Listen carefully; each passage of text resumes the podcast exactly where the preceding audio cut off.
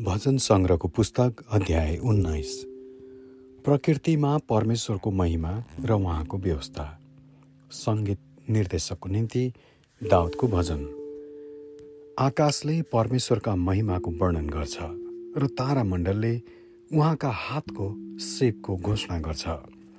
हरेक दिन तिनीहरूले वार्तालाप गर्छन् र हरेक रात तिनीहरूले ज्ञानको प्रदर्शन गर्छन्।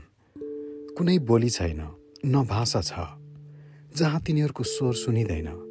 तिनीहरूको स्वरले सारा पृथ्वी गुन्जामान छ। तिनीहरूका शब्द पृथ्वीको सीमान्तसम्म पुगेका छन्।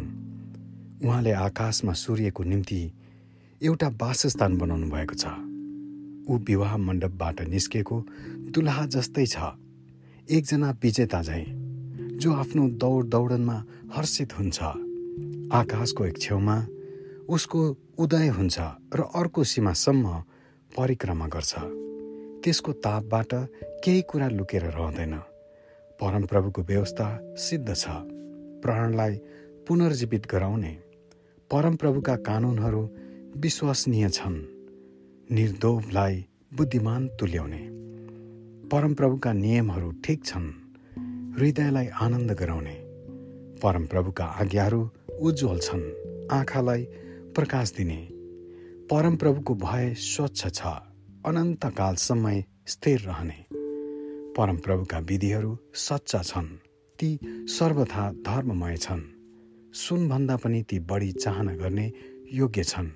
निखुर सुनभन्दा पनि ज्यादै बढी। चाकाबाट टप्कने महभन्दा पनि गुलियो। तीबाटै तपाईँको दासले चेतावनी पाउँदछ। ती पालन गर्दा ठुलो इनाम मिल्नेछ। आफ्ना भुलहरू कसले थाहा पाउन सक्छ? मेरा गुप्त दोषहरू क्षमा गर्नुहोस्। आफ्नो दासलाई जानी बुझी पाप गर्नुदेखि रोक्नुहोस्। तिनीहरूको प्रभुत्व म माथि हुन नपाओस्। तब म निर्दोष हुनेछु र घोर अपराधहरूबाट म निर्दोष हुनेछु।